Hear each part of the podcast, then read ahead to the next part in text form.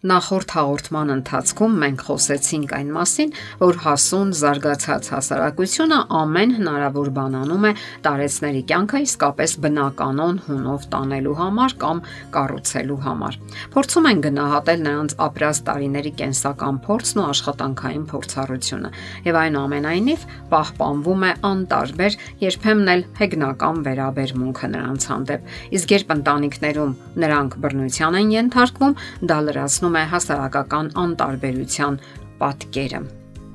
Ինչ նշաններով կարելի է ճանաչել բռնացողին կամ վիրավորողին։ Բռնացողը այն մարդն է, որ չի կարողանում ապրել առանց որևէ մեկին նեղացնելու, կոպտելու կամ վիրավորելու։ Նրա համար անհրաժեշտ է, որ նվաստացնի ուրիշներին, որpիսի ինքնահարգանք ձեռք բերի, միաժամանակ նաև իշխանություն, քանի որ իր համար կարևոր է սեփական գերազանցությունը զգալը, եւ նա ծարավի է, որ մարդիկ հիանան իրենով, քաջալերեն ու գովաբանեն առանձնահատուկ նշենք, որ այդ մարդիկ ճունեն կարեկցանքի ու գթասրտության հարգանքի զգացում ուրիշների հանդեպ, որովհետև չեն զգում իրենց եւ մյուսների կապը։ Հարգել մեկ այլ մարդու նշանակում է ընդունել նրան որպես անznավորություն եւ գիտակցել, թե ինչպիսի տարապանք են պատճառել նրան։ Ներկայացնենք մի քանի խորհուրդներ, թե ինչպես կարելի է հակազդել նման երևույթին, այսինքն գազլայթինգին։ Դրանք կօգնեն տարեցներին, որ զոհ չդառնան կամ ժամանակին դիմակայեն հուզական բռնություններին կանխեն դրանք։ Առաջին հերթին հարկավոր է պահպանել ու պաշտպանել իրեն եւ իր զգացումներին վստահելու հմտությունը։ Ձեր հիշողության մեջ մի վերստուգեք իրադարձությունները, քանի որ նման տեսակի ստուգումները ավելի են մեծացնում փաստերի եւ զգացմունքների իրական լինելու կասկածները։ Թույլ մի տվեք, որ ձեզ մեկուսացնեն հասարակությունից, ընկեր, ընկերուհի, հարևան, ծանոթ։ Հարկավոր է հիշել, որ հենց միայնությունն է հոգեբանական բռնության դրսևորման պայմաններից մեկը կարողացեք փաստարկված եւ հիմնավորված պնդել ձեր տեսակետը։ Ձգտեք հստակ նկարագրել ձեր զգացմունքները եւ այն իրադրությունը, որն առաջացրել է դրանք։ Դուք կարող եք ասել. Ինձ համար շատ վիրավորական է իմ հանդեպ դրսևորվող նման վերաբերմունքը։ Ինձ համար շատ տհաճ է, որ փորձում են ինձ խելագարի տեղ դնել։ Անհրաժեշտության դեպքում խոսեք անկախ ներկաների եւ դիտորդների հետ Արդյոք մյուս մարդիկ եւս ձեր մեջ նկատում են այնպիսի տարօրինակություններ, որոնց մասին անընդհատ խոսում են կամ հիշեցնում են ձեր հարազատները։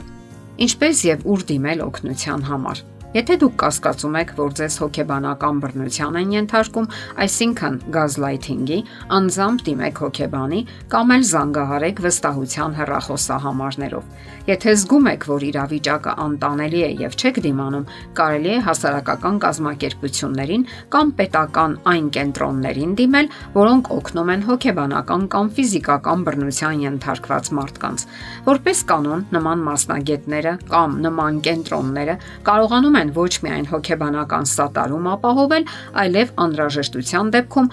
ժամանակավոր կացարան տրամադրել։ Իսկ երբեմն իրավիճակն այնքան էլ անհուսալի չէ, եթե հարազատը պատրաստ է դիմել հոգեբանի եւ ընտանեկան հոգեբուժության կուրսեր անցնել։ Մասնագետը կօգնի քանդելու այն կծիկը, որը հոգեբանական հարաբերությունների մի ամբողջ թնջուկ է առաջացրել։ Մասնագետներն ասում են, որ քիչ չեն այն դեպքերը, երբ բռնացողները իրենք էլ չեն գիտակցում իրենց վիճակը այնքան ժամանակ, քանի դեռ չեն դիմել հոգեբանի օգնությանը, եւ դիմելով ու անցնելով համապատասխան ուսուցում, նրանք գիտակցում են իրենց սխալ վարվելակերպը եւ հրաժարվում են դրանից։ Կարելի է նաեւ խորուրդ տալ տարեց մարդկանց, որ ճիշտ կերպով կառուցեն իրենց ծերությունը մոտենալ պատրաստված եւ անել այնպես, որ իրենց ավելորդ չզգան եւ մասնակցեն հասարակական ու ընտանեկան կյանքին։ Այնպես անեն, որ ոչ թե խղճահարություն առաջացնեն, այլ հետաքրքրություն իրենց հանդեպ քայլեն ժամանակին հնարավորինս համընթաց։ Իհարկե հասկանալի է, որ ժամանակի ընթացքում սպառվում են մարդու թե ֆիզիկական եւ թե հոգեբանական հոգեվոր pašարները, սակայն կարելի է մինչև վերջ պահպանել մտքի ու մարմնի առույգությունն ու հստակությունը հարկավոր է առողջ կենսաձև վարել, բացառել ծխելն ու ալկոհոլային խմիչքները, սնվել լիակատար առողջ հետևել առողջ կենսաձևի սկզբունքներին, որոնք այսօր քարոզվում են ամեն քայլափոխի։ Ինչպես նաև շատ խորհուրդներ ու շատ տեսանյութեր կան համացանցում։ Հարկավոր է շատ քայլել, հիանալ ամեն օր բացվող օրալույսով եւ շնորհակալությամբ ընդունել այդ հնարավորությունը կամ ապարքևը, որ ընձեռել է Աստված։ Շատ օգտակար է ընթերցանությունը։ Հնարավոր է դուք խնդիրներ ունեք տեսողության հետ։ Այդ դեպքում կարող եք լսել այսպես կոչված աուդիո գրքեր։ Մի խոսքով ամեն ինչ արեք, որpիսի պահպանեք ձեր սթափ եւ առողջ դատողությունը։ Հավատացեք ու վստահեք Աստծուն։ Սա եւս շատ կարեւոր է, եթե չասենք ամենակարևորը։ Նրան հանձնեք ձեր կյանքի ղեկը։ Կարդացեք Աստվածաշունչը, որը ապրելու նոր լիցքեր կհաղորդի ձեզ եւ ապագայի հույս կպարգևի, որը անչափ կարեւոր է, հատկապես մեծահասակների համար։ Եթե ունեք թորնիկներ, եղեք բարի տատիկ ու պապիկ նոր գիտելիքներ ձեռք բերեք եւ ձեր փորձառություններն ու տարիների անբարած սերն ու ջերմությունը փոխանցեք նրանց։ Մի կարևոր պահ եւս, եթե դեռևս պապիկ կամ տատիկ չեք, ապա հենց հիմա կարող եք դրան պատրաստվել։ Համապատասխան լավորակ գրականություն գոյություն ունի։ Մի վստահեք միայն բանավոր փոխանցված գիտելիքներին։ Դրանք հաճախ ստուգված չեն գիտականորեն եւ համահունչ չեն ժամանակին։